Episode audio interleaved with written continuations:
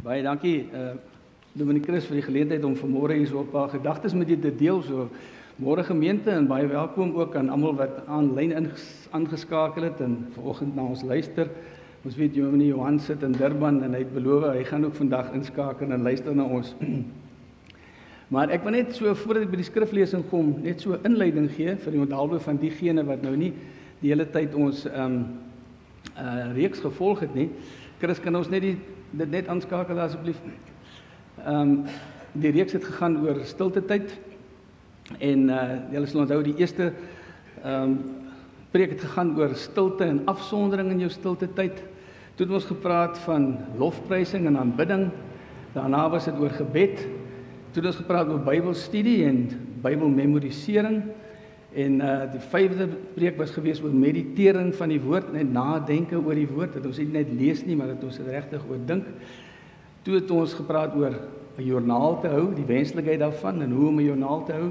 En verlede Sondag uh, sal julle onthou het Dominee Johan gepraat oor oor vas. En al hierdie ehm um, voorafgaande kulmineer eintlik nou. Is eintlik die die vrug van al hierdie voorafgaande is nou in hierdie laaste een in die reeks en dit gaan oor getuienis. Ons sê ons in Afrikaans wat die hart van vol is, loop die mond van oor. Maar tog is mense so huiwerig om te getuig en, en bang om te getuig. En ek dink die belangrikste redes hoekom uh, mense bang is om te getuig is in die eerste instansie dat hulle nie voorberei is nie. Hulle weet nie hoe om dit te benader nie. Hulle weet nie wat om te sê nie en dan is hulle bang en sê hulle liewer niks nie.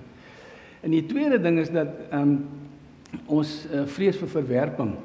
Onthou as jy met iemand praat en en hy verwerp die boodskap van die evangelie, hy verwerp vir Christus, hy verwerp nie vir jou nie. Ek weet dit voel baie keer vir jou so, maar dit is nie so nie. Hy verwerp nie vir jou nie. En dan die derde ding is uh, ons word gesê om sielewenners te wees. Nou ek en jy kan nie 'n siel wen nie. Net die Heilige Gees kan dit doen. Al wat van ons verwag word is om gehoorsaam te wees en vir mense voor te stel aan Jesus. Vir mense van die van die evangelie te vertel en die Heilige Gees sal die werk doen. So jy kan nie faal nie. Jy kan nie tweede kom nie. Jy, jy wen deur net gehoorsaam te wees. Nou vanmôre wil ek net 'n paar uh, verse met u deel en dit kom uit die Ou Testament uit Numeri. Ehm um, Numeri 13. En ek lees graag vir julle dit. Die Here het vir Moses gesê: "Stuur manne om Kanaan wat ek aan die Israeliete sal gee te verken. Uit elke voorvaderlike stam moet jy een stuur wat 'n leier onder hulle is." En op die bevel van die Here het Moses hulle toe van die Paran woestyn af uitgestuur. Al die manne was leiers onder die Israeliete.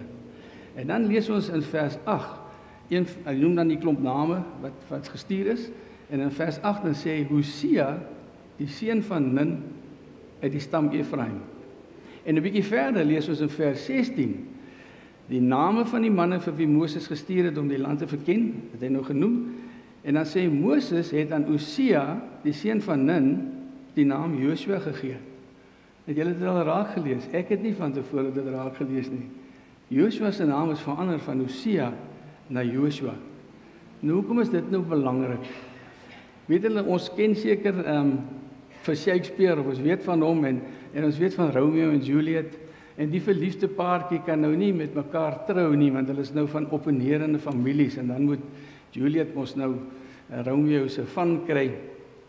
En dan sê Juliet hierdie woorde, sy sê a rose by any other name would smell as sweet. Maar is dit nou heeltemal waar dat uh, daar nie regtig waarde is aan 'n aan 'n naam nie.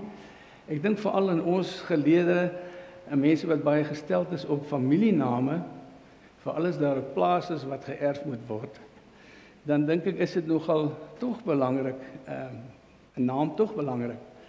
Ehm um, ons lees in die woord dat geen ander naam onder die hemel gegee is waardeur ons gered kan word nie behalwe die naam van Jesus.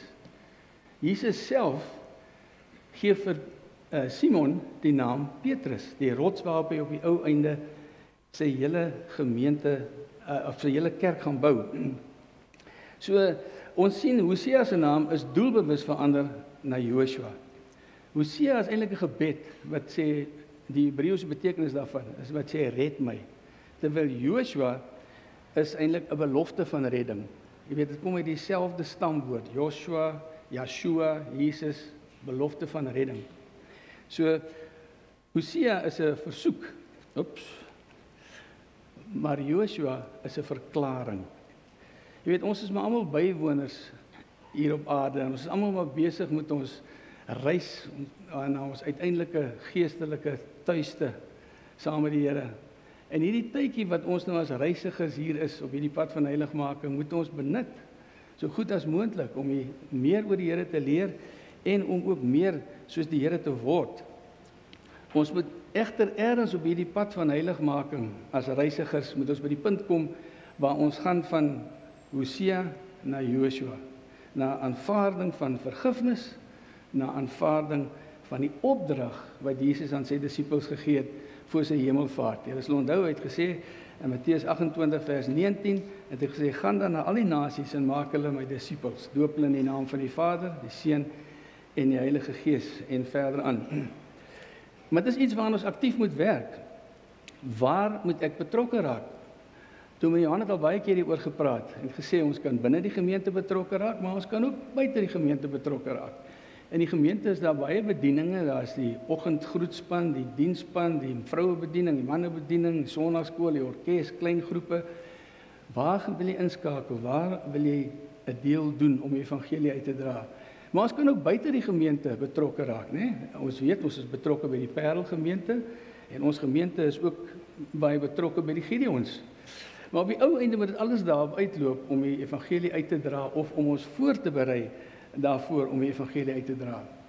Ek het as 'n jong man was ek betrokke in die gemeente, maar ek het net gevoel ek wil meer doen om my roeping hier op aarde te vervul. En die Gideons was vir my die goeie 'n goeie manier om dit te kan doen. Hier's 'n bediening wat klaar werk, is ordelik, alles is klaar vir jou gereël as dit ware. En jy kan maar net inval in jou deeltjie doen en die in die vrug sien van die van die werk wat ons doen om om die um, woord van die Here te versprei. Maar Ehm um, Dr. Henry Blackaby, die bekende uh predikant en skrywer, hy sê altyd kyk wat die Here klaar werk en dan val jy daarin. Dan doen jy jou deel daar. Weet julle ont, julle onthou vir Paulus, nê, nee, en op die pad van Damaskus het hy nou hierdie ervaring gehad wat die Here aan hom openbaar dat hy hom wil gebruik as as sy werktuig in die wêreld. En dan is Paulus vir 3 dae blind en vir 3 dae vas en bid hy tot Ananias op die ou enlik vir hom kom aanraak, die hande oplê en Paulus weer kan sien. En wat sien ons? Wat doen Paulus dan? Hy gaan onmiddellik en hy verkondig die evangelie aan die heidene.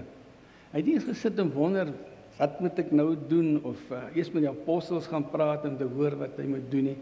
Hy gaan onmiddellik. Ons lees in Galasiërs 1 sê ehm um, in die woord vir ons dat Paulus het dadelik na Arabië vertrek om daardie woord te gaan versprei. En dan sien ons hy het eers 3 jaar later het hy via Damaskus teruggekom na um, in Jerusalem toe en daar het hy vir Petrus ontmoet en vir Jesus se halfbroer Jakobus en bevestig dat hy besig is om die om die regte ding te doen. Nou die Gideons by die Gideons is ons enigste doelwit nou ook maar net om die evangelie uit te dra deur ons persoonlike getuienis en ook deur die woord van die Here te plaas op plekke waar mense wat andersins nou nie in die kerk gaan kom nie of andersins blootstelling gaan kry aan die aan die evangelie nie dat ehm um, mense die woord van die Here kan optel en dat die Heilige Gees daardeur kan werk en hulle harte kan aanraak. Maar dis mos nou nie net die Gideons nie, dis die taak van ons almal as wedergebore Christene. Ons moet bietjie uit ons gemaksone kom. Verlede Sondag vir die van julle wat wat wat hier was, sal onthou het Dominee Han ook gesê As ons nie vir die mense gaan vertel van Jesus nie, wie moet dit dan nou doen? Daar is mos nou nie genoeg predikante om dit alleen te doen nie. Daai taak is ons almal as wedergebore Christene opgelê. Maar ons moet strategies begin dink en jy moet 'n plan in jou kop hê as jy met mense praat. Anders te, is jy te onseker om iets te sê. Nou ek gaan nou baie kripties vir julle net vier punte noem wat jy net in jou kop bou as 'n as 'n raamwerk as dit ware as jy net met iemand praat. As jy 'n kans het om te wil neerskryf, is regtig kripties. Ek gaan net so een versie by elkeen sit. Ons praat van die basiese pilare van die evangelie. En die eerste begrip wat jy by iemand gaan tuisbring is dat God het ons almal lief. En ons weet almal van Johannes 3 vers 16 wat sê wat so lief het God die wêreld gehad dat hy sy enige gebore seun gegee het sodat elkeen wat in hom glo nie verlore kan gaan nie, maar die ewige lewe sal hê. So die man moet verstaan of die vrou moet verstaan God het ons lief. Die tweede begrip wat moet posvat is dat almal van ons is sondaars sonder uitsondering. In Romeine 3 vers 23 sê almal van ons het gesondig en dit ontbreek ons aan die genade van Christus aan die heiligheid van Christus. En dan die derde punt wat ons moet uh laat in jou kop hou is dat daar is nou 'n oplossing vir die sonde. Romeine 3 6 vers 23 sê die loon van die sonde is die dood, maar die genadegawe van God is die ewige lewe deur Christus Jesus. En dan die laaste begrip om te onthou is jy kan nou gered word. En ons ken vir Openbaring 3 vers 20 wat sê ek kyk ek staan by die deur en ek klop as iemand my stem hoor en die deur oopmaak sal ek ingaan en met hom maaltyd hou en hy met my. Nou natuurlik gaan jy nie elke keer as jy met iemand praat gaan iemand die Here aanneem nie. Ons sê statisties is uh, moet iemand omtrent 7 keer kontak maak met die evangelie voordat hy regtig 'n besluit neem. Jy mag nommer 1 wees in die ry, jy mag nommer 7 wees in die ry. Maar as iemand dan nou dit blyk dat iemand nou die Here wil aanneem, dan bid ons net saam met hom die Sondaarsgebed wat ons noem die Sondaarsgebed. En die, dis basies maar net om te sê Here, ek berou oor my sondes, vergewe my my sondes. Kom in my hart. Ek wil uh Here, ek wil as u kind aangeneem word en ek wil vir u volg. Nou dis verskriklik kripties vir u nou gesê. Maar ons het net verlede so kort kursus aangebied op Sondag aand. Ek dink dit was 2 ure of 2 en 'n half ure of so iets. Maar dit is net so 'n bietjie mense tou wys maak en jou gemaklik maak oor uh om te getuig teenoor mense. Want die getuienis alles wat ons doen moet mos uitloop op getuienis. Ons wil mos die koninkryk laat uitbrei.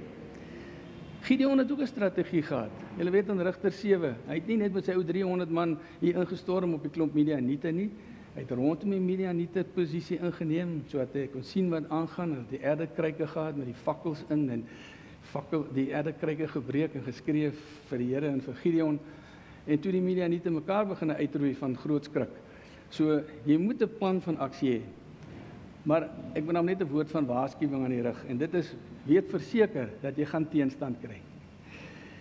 Johannes skryf in in ehm uh, ekskuus ek het vergeet om hy aan te skryf.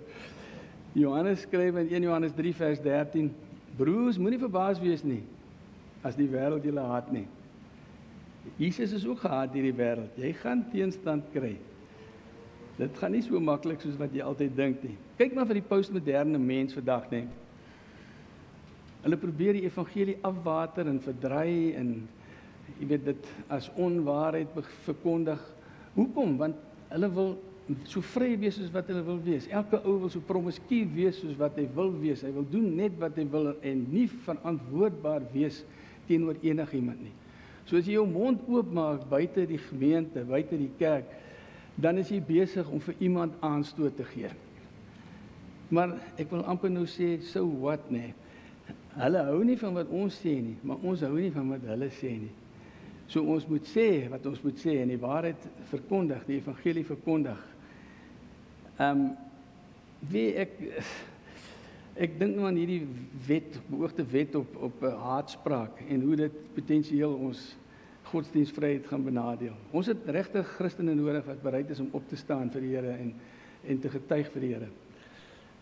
Jesus sê vir sy disippels in Matteus 9 vers 37 en 38 sê die oes is groot, maar die arbeiders is min. Bid dan die Here van die oes sodat hy arbeiders sal stuur vir sy oes.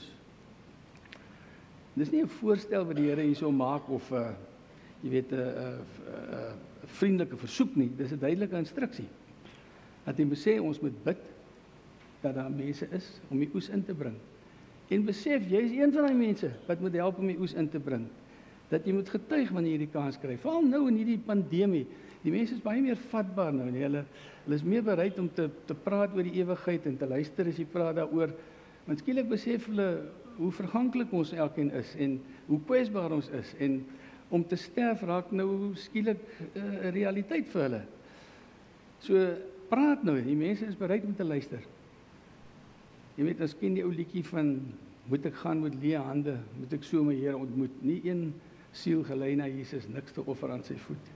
Ons kan niks saamvat as ons die dag sterf nie. Niks nie, behalwe die siele van die mense vir wie jy van die Here vertel het en wat uiteindelik dan ook die Here aangeneem het. Daar's 'n dringendheid aan verbonde, né? Ons moet ons moet werk terwyl dit dag is.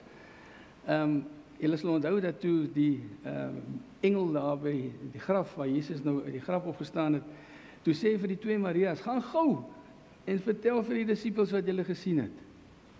En dis wat ons ook doen as Gideon, ons is Christen professionele en sakemanne en ons vrouens en ons het net hierdie een behoefte om die evangelie van die Here te versprei.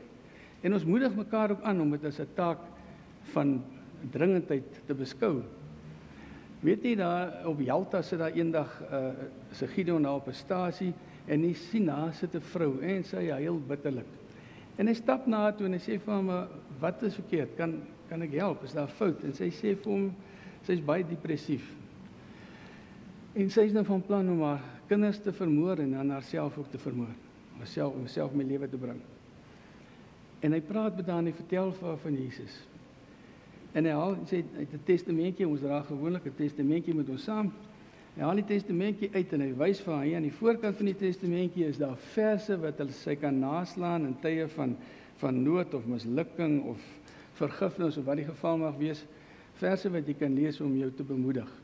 En dan baie baie belangrik, reg op die einde van die testamentjie is die pad van saligheid opgesom. Nou dit maak dit verskriklik maklik as jy met mense praat en jy kan testamentjie uithaal, jy ou kan self uh, lees wat daar staan en die teksverwysings daar lees.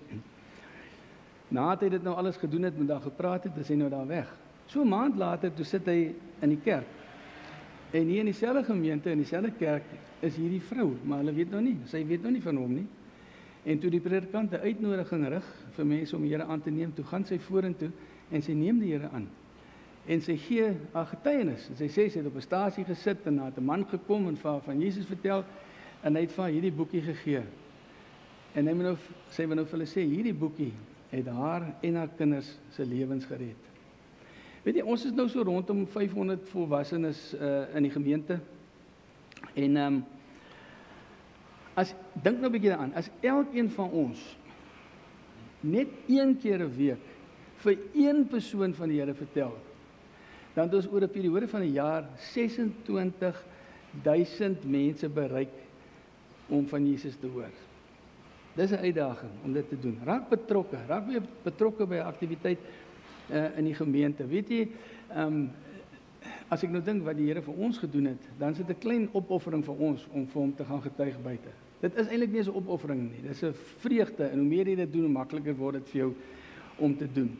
En as jy gelei voel om behalwe wat jy in die gemeente betrokke is, ook by die Gideons betrokke te raak, dan ehm um, kom praat gerus met ons. Ons sal hier voor by die voorportaal staan kom ervaar die geleentheid om wanneer ons elke jaar byvoorbeeld Transkei toe gaan binne 3 dae plaas ons tussen 100 en 120 000 van hierdie testamentjies in 'n kind se hande. Ehm um, en kry hy die geleentheid in sy eie taal om die evangelie te lees en te leer en die Heilige Gees daardeur kan werk met hom. Weet jy die die vreugde wat jy op die gesigte sien, die sang wat hulle hulle vir jou sing na die tyd, die dankbaarheid uh om te sien hoe baie van hulle uh 'n besluit vir die Here neem as jy hulle uitdaag. Dis goed om jou bly. Want ek kan dit nie as 'n individu doen nie. Ek kan dit ook nie as 'n kerkgenootskap doen nie. Maar omdat ons as Gideon ons internasionaal 'n interdenominasionale ehm um, bediening is, gaan daai deure vir ons oop. Ons het nou al om 'n Engelse woord te gebruik, goodwill. Ehm um, mense weet van ons en hulle laat ons toe om die evangelie daar uh, te kom versprei. Ons gaan byvoorbeeld ehm um, ons groepie wat hier in Durban wil is, ons het so 'n rooster waarop ons werk. Dan gaan ons elke Sondag, soos nou na die diens, dan gaan ons hier ook aan die straat, skuins ook aan die straat die polisie selle. En dan gaan ons vir die aangehoudenes wat daai naweek aangehou is, dan gaan vertel ons vir hulle die evangelie. En ons gee vir hulle elkeen 'n testamentjie in die taal van hulle keuse. Want ons het die testament in ons eie land in 10 verskillende tale. Um, ek herinner my by een geleentheid toe bel een van my Gideon vriende my en sê maar hier's nou 'n Chinese vrou in die sel en sy verstaan nie 'n woord nie. En hy het onthou my vrou Saret het in 'n uitstalling het sy 'n Mandarynse tes, testamentjie gehad. En ons het vir hom gegee en na die vrou gegaan vir haar gegee en hy sê haar gesig het net verhelder hierso lees sy in haar eie taal lees sy nou ehm um, die woord van die Here.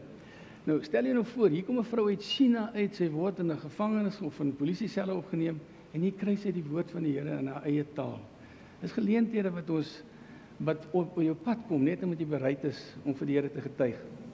Maar dis 'n wêreldwye bediening. Ons is in 200 uh, verskillende lande en uh, uit Bogota het ons die geskiedenis van 'n ouetjie met die naam van Alonso wat op 'n baie jong ouderdom aan dwelmsverslaaf verslaaf geraak het en het van sy huis af weggehardloop. Hy was vir 12 jaar aan dwelmsverslaaf. Vier keer het hy probeer om om dit te stop en op te hou met die dwelms, maar hy kon nie. Toe op 'n dag ehm um, toe kry hy in die strate van Bogota is daar 'n Gideon wat vir hom 'n testamentjie gee.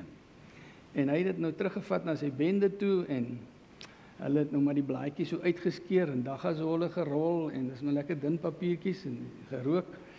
Maar die ding het hom op 'n vreemde manier bly pla. En uh, op 'n dag toe kyk hy en lees hy in die in die testamentjie en hy sê oorval op um, Openbaring 5 wat sê wie is waardig om die boek van die lewe te open en dan die antwoord Jesus Christus. En Alonso het daar op sy knieë neergeval en vir die Here gevra om hom te vergewe. Hy's terug na sy bende toe.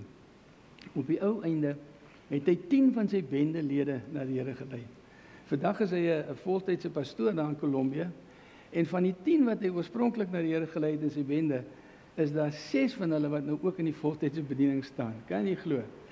net die, die Heilige Gees wat deur die woord werk. Daar hoef nie 'n derde party van teenwoordig te wees nie. Die Heilige Gees kan alleen met 'n mens se hart werk. So ek bevra dat jy gereeld ook vir die Gideonsbediening bid dat elkeen van die testamentjies wat ons in iemand se hand plaas, 'n hart sal aanraak, 'n lewe sal verander, soos in die geval van uh, Alonso en sy vriende. Nou, um, ek weet almal gaan nie kwalifiseer om Gideons te raak nie om verskeie redes, maar jy kan ook betrokke raak as 'n as 'n vriend van die Gideons.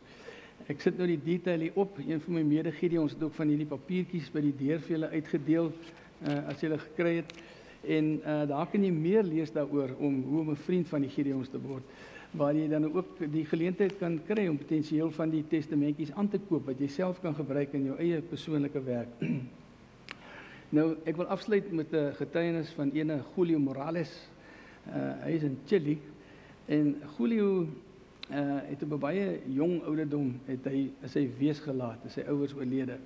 En hy was maar van kleins af 'n rebel en het op die ou ene op die strate groot geword en maar net 'n rebel gebly in die gevangenis beland op die ou einde en daar was hy net so 'n rebel.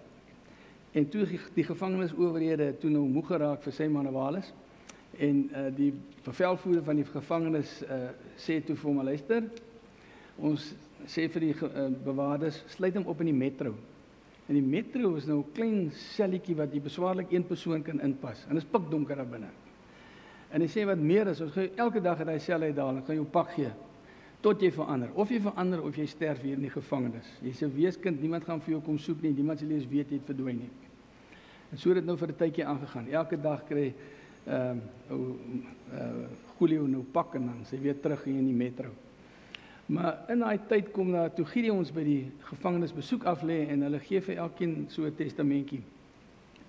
En die spesifieke gevangene wat so oorkant die metro was in sy sel, hy het die um, testamentjie sit en lees en die Here het sy hart aangeraak. En toe eendag toe hulle nou weer vir Julio uitbring om pak te gee, toe hy nou klaar is en hy stap terug sel toe, toe druk hierdie gevangene druk so deur die tralies van die sel, druk hy hierdie testamentjie in Julio se hand. En Julio voel daar's iets en hy maak net sy hand toe en hy's terug hier in die in die metro in.